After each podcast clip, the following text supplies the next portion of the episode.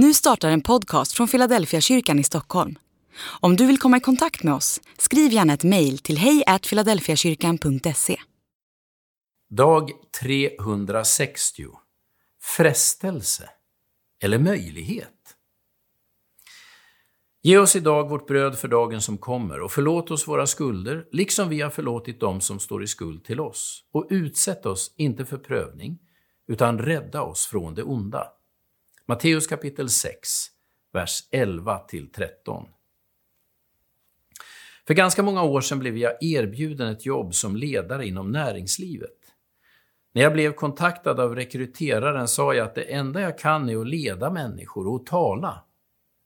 Jag är dålig på ekonomi och jag vet ju nästan ingenting om bokföring. Mannen svarade att det finns gott om revisorer och ekonomer, men han var på jakt efter någon med förmågan att formulera sig och med kraft att samla människor. På stående fot erbjöd han mig mer än fem gånger så mycket i lön som jag hade som pastor, plus en pensionsförsäkring som skulle göra min ålderdom bekymmersfri. När jag berättade om erbjudandet för Helena var hennes spontana reaktion att Gud äntligen hade hört vår bön.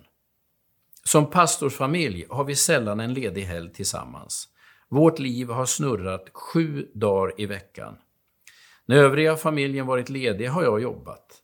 Nästan alla stora helger och högtider, då andra är lediga, jobbar jag. Inte heller får man någon ekonomisk kompensation som pastor. Jag har för det mesta haft lägre lön än en förskollärare. När vi pratade om de möjligheter som det nya jobberbjudandet skulle ge oss som familj tyckte vi båda att saken var självklar.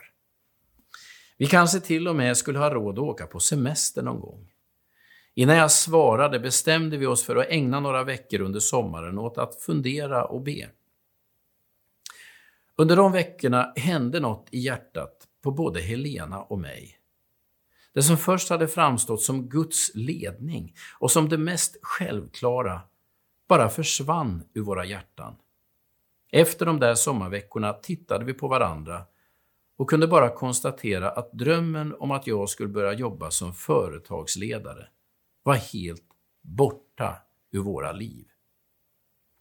Hur vet man om det är en frestelse eller en möjlighet? För det mesta vet vi direkt när det är en frestelse, men då och då hamnar vi i situationer då vi inte vet. Dessutom kan det som är en frestelse i mitt liv vara en välsignelse i någon annans liv. Sanningen är att vi inte kan veta. Vad gör man då? På detta svarar Jesus att vi ska be. Vi kan alltid be om beskydd och vägledning. I efterhand har jag insett att jobbet som företagsledare var en frestelse i mitt liv. För andra är det en möjlighet och en välsignelse, men för mig hade det inte blivit bra. I tidens längd hade jag aldrig orkat arbeta med ekonomisk vinst som mål och med kvartalsrapporter som predikotillfällen. Gud har kallat mig att leda hans församling och hade jag lämnat den rollen hade jag inte blivit tillfreds, oavsett hur mycket pengar jag hade tjänat.